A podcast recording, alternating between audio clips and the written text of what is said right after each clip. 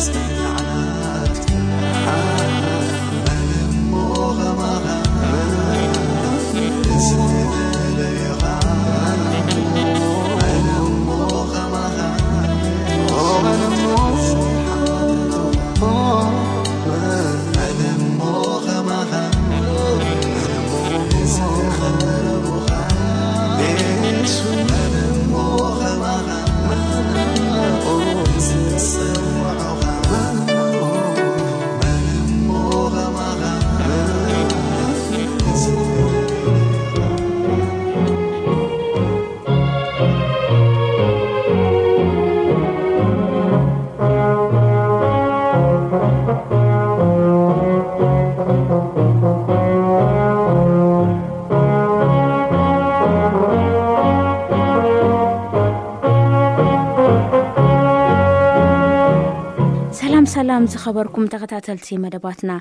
እዚ ኣብ መፅሓፍ እያሱ ንገብሮ ተከታታሊ መፅናዕቲ እዩ ሎማእንቲ ከዓ ኣብ እያሱ ምዕራፍ እስራን ክልተን በፂሕና ኣለና ሰላም ኣምላኽ መሳኹም ብብዘለኹም ሞ ይኹን እሞ ሕፅር ዝበለ ፀሎት ክንገብር እሞ ናብቲ ሓሳባትና ክንካይድ ኢና እግዚኣብሔር ኣምላኽና ደጊምና ነዚ ግዜ እዚ ስለ ዝሃብካና ነመስግነካ ብህይወት ክንጸንሕ ስለ ዝፈቐድካ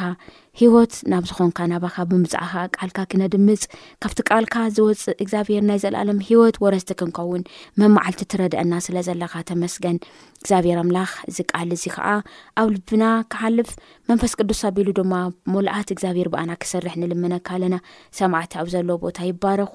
ቅዱስ መንፈስካ ብብጓደኦም ብብቤቶም ብብነገሮም ብብኩነታቶም ኩሉ ቅዱስ መንፈስካ ሓቢሮም ክኸውን ንጽሊ ተመስገን ስለ ኩሉ ነገር ብሽም ወድኻ ብኢየሱስ ክርስቶስ ኣሜን ሕራይ ዝኸበርኩም ሰማዕቲ እያሱ ምዕራፍ እስራን ክልተን ከምዚ ይንበብ እያሱ ነቶም ኣብ ምብራቅ ዝሰፈሩ ነገድ ከም ዘፋነወ ይብል እዞም ስግሪ ዮርዳኖስ ኣብ ምብራቅ ዝሰፈሩ ነገዳት ሮቤል ጋድና ፈረቃ ምናሴ ዮርዳኖስ ከይሰገሩ ኣብኡ ተሪፎም ነይሮም ዳሃረ ስገሩ ምሳና እሞ ነቲ ምድሪስ ካብ ንወርስ ምሳና ፅንሑ ኢሎም ከም ዝወሰድዎም ዞም ኣወዳቶም ማለት እዩ እዚ ተመሊሶም ናብቲ ዓዶም ናብቲ መቆብዮም ክምለሱ ከለዉ ኢና ንርኢ ስ ነንብብ ሽዑ እያሱ ንሮቤልን ንጋዳውያንን ንፈረቃ ነገድ ምናሴን ፀውዖም በሎም ድማ ንስኻትኩም እቲ ሙሴ ባርያ እግዚኣብሄር ዝኣዘዘኩም ኩሉ ሓሊኹም ኢኹም እቲ ዝኣዘዘኩም ኩሉ ቃለይ እውን ሰሚዕኹም ንስኻትኩም በዘም ብዙኃት መዓልትታት ክሳዕ እዚ መዓልቲ እዚኣ ንኣኅዋትኩም ኣይኃደግኩምዎምን?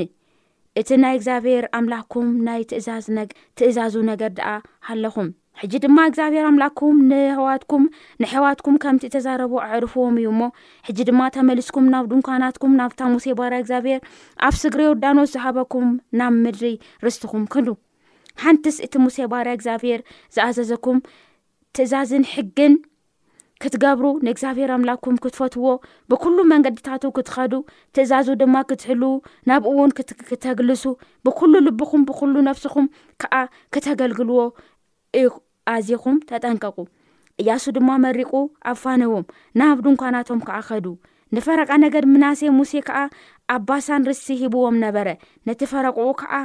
እያሱ ኣብ ስግረ ዮርዳኖስ ኣብ ወገን ምዕራብ ኣብ መንጎ ኣሕዋቶም ሃቦም። እያሱ ናብ ድንኳናቶም ኪሰዶም ከሎ መረቆም። ምስ ብዙሕ ምስ ብዙሕ ሃፍቲ ምስ ኣዝዩ ብዙሕ ማል ድማ ምስ ብሩርን ምስ ወርቅን ምስ ኣስራዝን ምስ ሳፅንን ምስ ኣዝዩ ብዙሕ ክዳውንትን ናብ ድንኳናትኩም ተመለሱ ነቲ ምርኮ ፀላዕትኹም ከዓ ምስ ኣሕዋትኩም ተማቐልዎ ኢሎም ድማ ተዛረቦም ኢሉ ድማ ተዛረቦም ደቂ ሮቤልን ደቂ ጋድን ፈረቃ ነገድ ምናሴን ተመልሶም ናብ ምድረ ገለኣድ ናብታ ብትእዛዝ እግዚኣብሔር ብኢድ ሙሴ እተረስተየዋ ምድሪ ርስቶም ክኸዱ ካብ ደቂ እስራኤል ካብታ ኣብ ምድሪ ከነኣን ዘላ ሺሎ ነቐሉ ደቂ ሮቤልን ደቂ ጋድን ፈረቃ ነገድ ምናሴን ናብቲ ከባቢ ዮርዳኖስ ናይ ምድሪ ከነኣን ምስ መፁ ኣብኡ ኣብ ጥቃ ዮርዳኖስ መሰዊዕ ዓቢ ርኡይ መሰውዒ ሰርሑ። እቶም ደቂ እስራኤል ከኣ እንሆ ደቂ ሮቤልን ደቂ ጋድን ፈረቃ ነገድ ምናሴን ኣብ ጥቃ ዮርዳኖስ ኣብ መንጽር ምድሪ ከነኣን ኣብ ማዕዶ ደቂ እስራኤል መሰውዕ ሰሪሖም ኣሎ ክብሉ ሰምዑ ደቂ እስራኤል ድማ እዚ ምስ ሰምዑ ምስኣታቶም ንምውጋእ ክድይቡ ብዘሎ እቲ ኣኼባ ደቂ እስራኤል ኣብ ሽሎ ተኣከበ ደቂ እስራኤል ከዓ ንፍንሃስ ወዲ ካህን ኣልኣዛር ናብ ደቂ ሮቤል ናብ ደቂ ጋድን ናብ ፈረቃ ነገድ ምንሃሰን ናብ ምድሪ ገልኣድ ለኣኽዎ ምስኡ ድማ ናይ ኩሎም ነገዳት እስራኤል ዓስርተ ሹም ሓሓደ ሹም ሓሓደ ሹም ንማይ ቤት ኣቦ ነፍሲ ወከፎም ኣብ ማእኸል ኣሽሓት እስራኤል ነንማይ ቤት ኣቦታቶም ሃለቑ ነበሩ ነበሩ ናብ ደቂ ሮቤል ናብ ደቂ ጋድን ናብ ፈረቃ ነገድ ምናሴን ናብታ ምድሪ ገልኣድ መጺኦም ድማ ከምዚ ኢሎም ተዛርብዎም ብዘሎ ኣኼባ እግዚኣብሄር ከምዚ ይብል ንእግዚኣብሄር ክትዓሉ እዩ ንስኻትኩም መሰውእ ብምስራኹም ሎሚ ንእግዚኣብሄር ካብ ምስዓብ እተመለስኩም እሲ እዚ ሎሚ ንኣምላኽ እስራኤል ዝበደልኩም በደል እንታይ እዩ እቲ ሓጢኣት ጲኦር ክሳዕ ሎሚ ካብኡ ዘይነጻሕናሉ እሞ ኣብ ኣኼባ እግዚኣብሄር መዓት ዝወረደዶ ኣይኣኽለናን እዩ? ሎሚ ድማ ንስኻትኩም ንእግዚኣብሄር ካብ ምስዓብ ተመሊስኩም ሎሚ ንእግዚኣብሄር ብምዕላውኩም ጽባሕ ንብዘሎ ኣኼባ እስራኤል ክቁጥዖ እዩ። እታ ዝወረስኩማ ምድሪ ርስቲ እተን እንተ ኾነት ግና ናብታ ማሕበር እግዚኣብሄር ሰፊራታ ዘላ ምድሪ ርስቲ እግዚኣብሄር ሕለፉ እሞ ኣብ ማእከል ተረስተዩ ብጀካ እቲ መሰውኢ እግዚኣብሄር ኣምላኽና መሰዊእ ብምስራኩም ንእግዚኣብሔር ኣይትእለዩ ንሕና እውን ኣይትእለዩና ኣካን ወዲ ዜራህ ኣብ እተሰረሐ ኣብ እተሃርመ በደል ኣይበደለን ኣብ ልዕሊ ብዘሎ ኣኼባ እስራኤል ድማ መዓት ወረደ በቲ በደሉ ከኣ እቲ ሓደ ሰብኣይ ጥራህ ኣይሞተን ሽዑ ደቂ ሮቤልን ጋድን ፈረቃ ነገድ ምናሰን ነቶም ሃለቆ ኣሻሃት ኣስራኤል መሊሶም ተዛረብዎም እግዚኣብሔር ኣምላኽ ኣማልክቲ እግዚኣብሔር ኣምላኽ ኣማልክቲ ንሱ ይፈልጦ ኣሎ እስራኤል እውን ንሱ ክፈልጦ እዩ ነዚ ብበደል ንእግዚኣብሔር ብምዕላው እንተ ጌርናዮ ሎሚ መዓልቲ ኣይተድሕነናን። ንእግዚኣብሔር ካብ ምስዓብ ምእንቲ ክንምለስ ወይስ ዘሕርር መሥዋዕቲ ወይ መሥዋዕቲ ብልዕን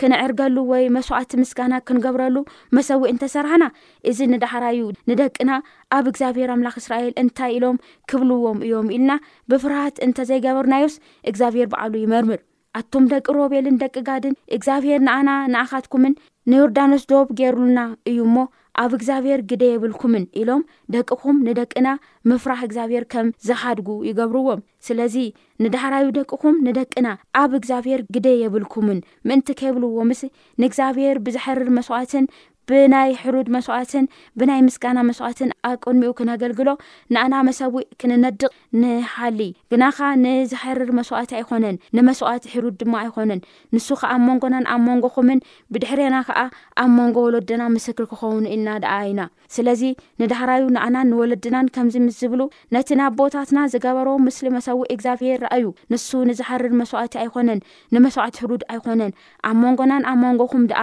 ምስክር ይኹን ንብሎም በልና።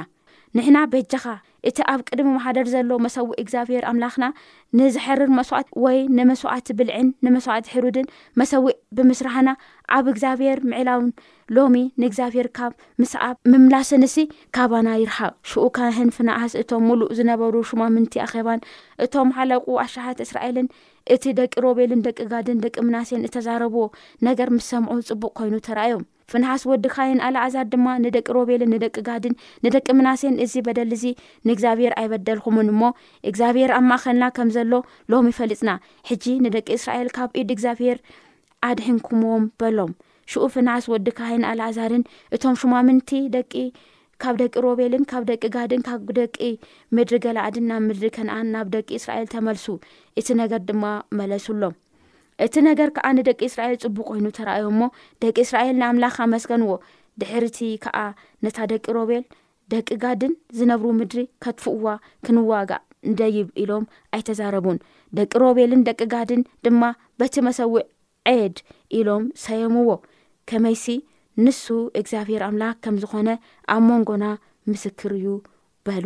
ንሱ፣ እግዚኣብሄርሲ ኣምላኽ ከም ዝዀነ ኣብ መንጎና ምስክር እዩ በሉ ይብለና። መ ሰዊዕ ምስራሕ መሰውኢ ምስራሕ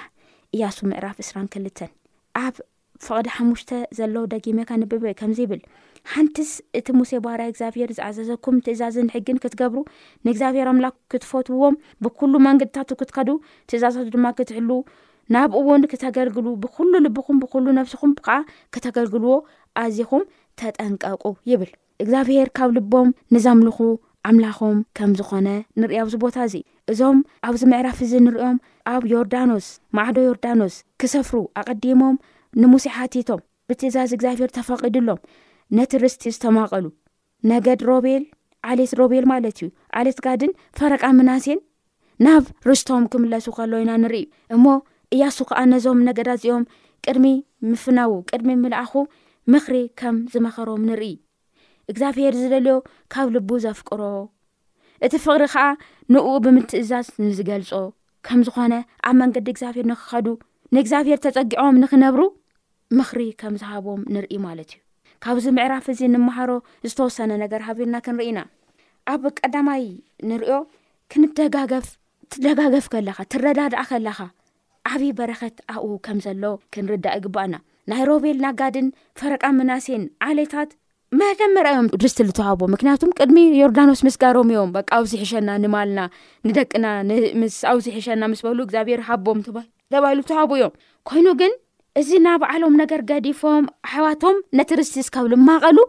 ኣብቲ ምድሪ እሱ ኣይነበሩን ካይዶም ምስ ኣሕዋቶም ነዊሕ ግዜ ከም ዝፀንሑ ኢና ንርኢ ንኣሕዋቶም ክረድእዎ ከሎ ነቶም ኣሕዋት ንኩሉ ርስቶም ስካብ ልማቐሉ ንምስኦም ብትዕግስቲ ሓቢሮም ከም ዝፀንሑ ንርኢ ማለት እዩ እዚ ቀሊል ኣይነበረን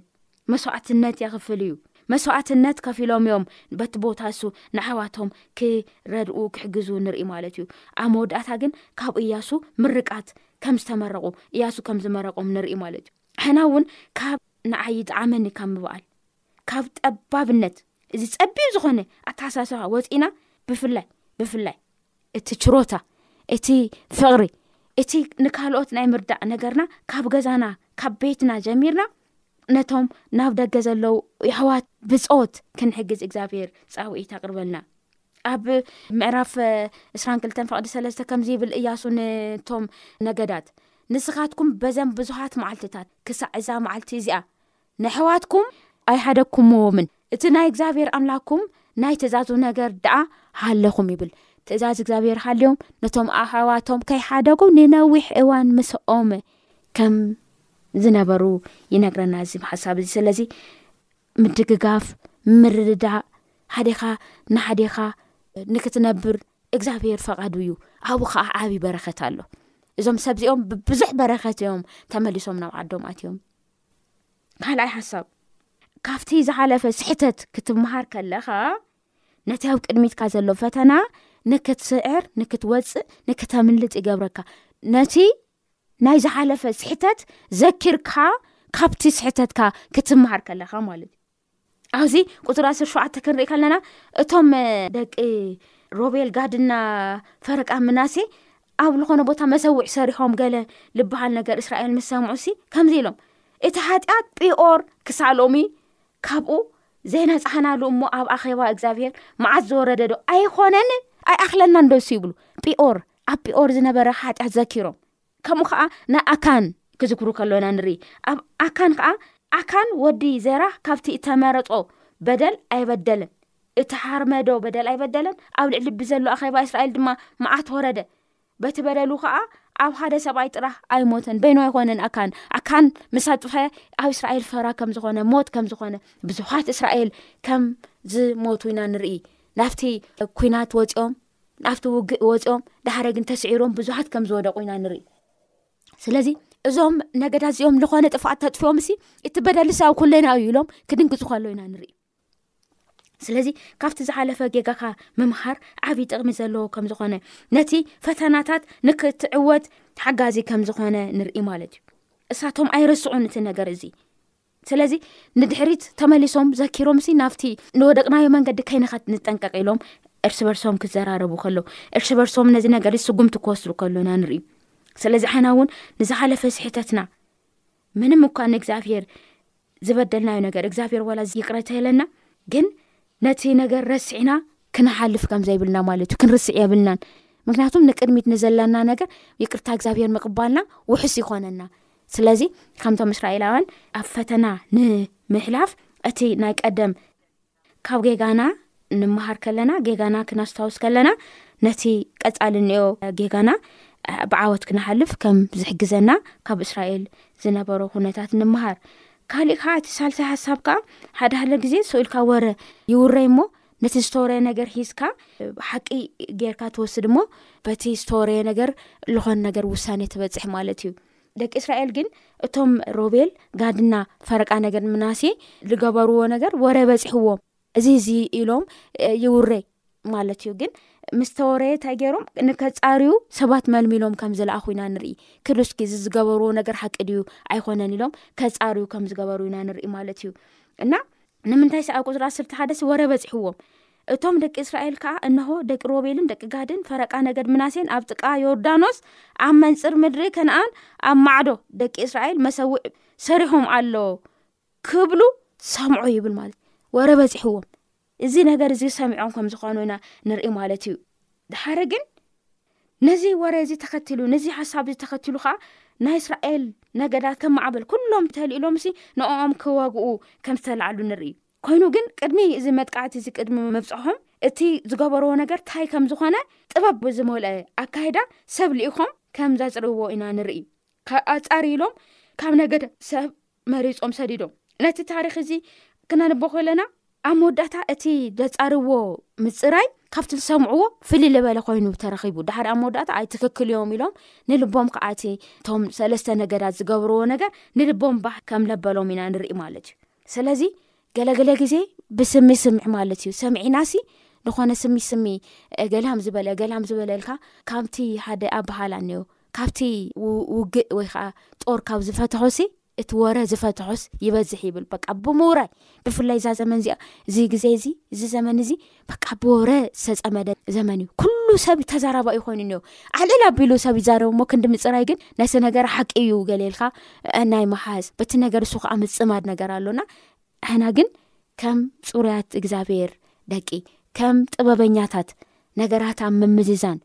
እገለ ዝበሎ ታይ እዩ እገሊት ታይ እዚ ታይ እዩ ኮይኑ መጀመርያ ታይ እዩ ተፈጢሩ ኢልና ኣመዛዚንና ኣብቲ ኣእምሮና ብትክክለኛ ዝኮነ ነገር ክንቅበል እዚ ቦታ እዚ ይነግረና ማለት ስለዚ ልኮነ ይኹን ወረ ምስ ተወረ ኣብ ስድራካ ክኸውን ይኽእል ዩ ኣብ ሃድራርካ ክኸውን ይኽእል ዩ ኣብ ውልቀካ ክኾን ይኽእል ዩ ህዝቢ ከም ህዝቢ ክኸውን ይኽእል ዩ ዓዲ ከም ዓዲ መንግስቲ ከም መንግስቲ ክኸውን ከልዩ ብዙሕ ወረ ወረ ይውረ እዩ ነቲ ወረ ግን ምፅራይ እቲ ልዓበየ ነገር ከም ዝኾነ ካብዚ ቦታ እዚ ንርኢ ኢና ዘለና እሞ ሎማዓንቲ እያሱ ምዕራፍ ስራን ክልተን እዚ እዩ ዘምህረና እቲ ዝተምሃርናዮ እግዚኣብሄር ይባርከልና እሞ ብምድግጋፍ በረከት ክንቕበል ከምኡ ከዓ ካብ ዝቀደመ ስሕተትና ተማሂርና ነቲ ቅድሚት ኒኦ ፈተና ብምውፃእ ንኽእለሉ መንገዲ ስለዝኾነ ናይ ቅድሚት ጌጋታትና ክንርስዖም ከም ዘይብልና ካብኡ ከዓ ብወረ ካብ ምዝዋር ነገራት ኣጻሪኻ ብምጽራይ ሰንስ ጌርካ ክትራመድ ከም ዘለካ እግዚኣብሄር ኣምሂሩና እዩ ንእግዚኣብሄር ኣምላኽና ኣዚና ኢና ነመስግን ስለዚ እግዚኣብሄር ኣምላኽና ከዓ ነዚ ቃል እዚ ኣብ ልብና ኣንብረና እሞ ጸሎት ክንገብር እሞ ንፈላለና ብሓቅን ብመንፈስን ንዛምልኹኻ እትደሊ ፈቃር እግዚኣብሔር ተመስገን ነመስግነካ ኣሎና ብጎዳና ዓወት ክትመርሐና ከለኻ ንኣኻ እናምለኽና ንኣኻ እናኽበርና ንክንመላለስ ስለ ለመሀርከና ስለዚ ትምህርቲ እዚ ንመስግነካ ኣለና ተመስገን ኣሕና እውን ነቲ ንሰኻ ልሃብካና ነገር ን ህዝቢ ኩሉ ክነምህር ሰናይ ፍቓድካ ይኹን። ኣሕና ድማ ደቅኻ ብሓደ ኮይንና ክነምልኸካ ከም ንደሊ ኣሕና ከኣ ምስ ኣሕዋትና ብሓደ ኮይንና ሕብረት ጌርና ክንጽሊ ክንባረኽ ክንደጋገፍ ክትረድኣና ንልምነካ ኣሎና። እግዚኣብሄር ኣምላኽ ጎይታ ሰራዊት ኣብ ማእኸልና ዘይምስትውዓል ክኽሰት ዋላ ተመጸ ዘይምርድዳእ ዋላ ተመጸ፣ ነዚ ነገር እዚ ርግእና ክነጻሪ ዘኽእል ጥበብ ናትካ ክትህበና ንልምነካ ኣለና ሓግዘና በዚ መንገዲ እዚ ካብኡ ከኣ ካብቲ ዝሓለፈ ስሕተትና ክንመሃር ናትካ ጥበብ ክትህበና እዚ እውን ንልምነካ ኣለና ሕና ከኣ ንስኻ ንህዝቢ ከም ዝተፈቱ ነቲ ዝተፈጠርካዮ ኩሉ እሙን ኮንካ ከም ተገልግል ኩሉ ንሕና ኸዓ ብፍጹም ልብና ብፍጹም ነፍስና ብፍጹም ሓሳባትና ክነምልኸካ ናባኻ ክንቀርብ ካባኻ ዝርከብ ጥበብ ምስትውዓል እግዚኣብሔር ኣምላክ ክንቅበል ሰናይ ፍቓድካ ይኹን ተመስገን ብሽም ወድኻ ብኢየሱስ ክርስቶስ ኣሜን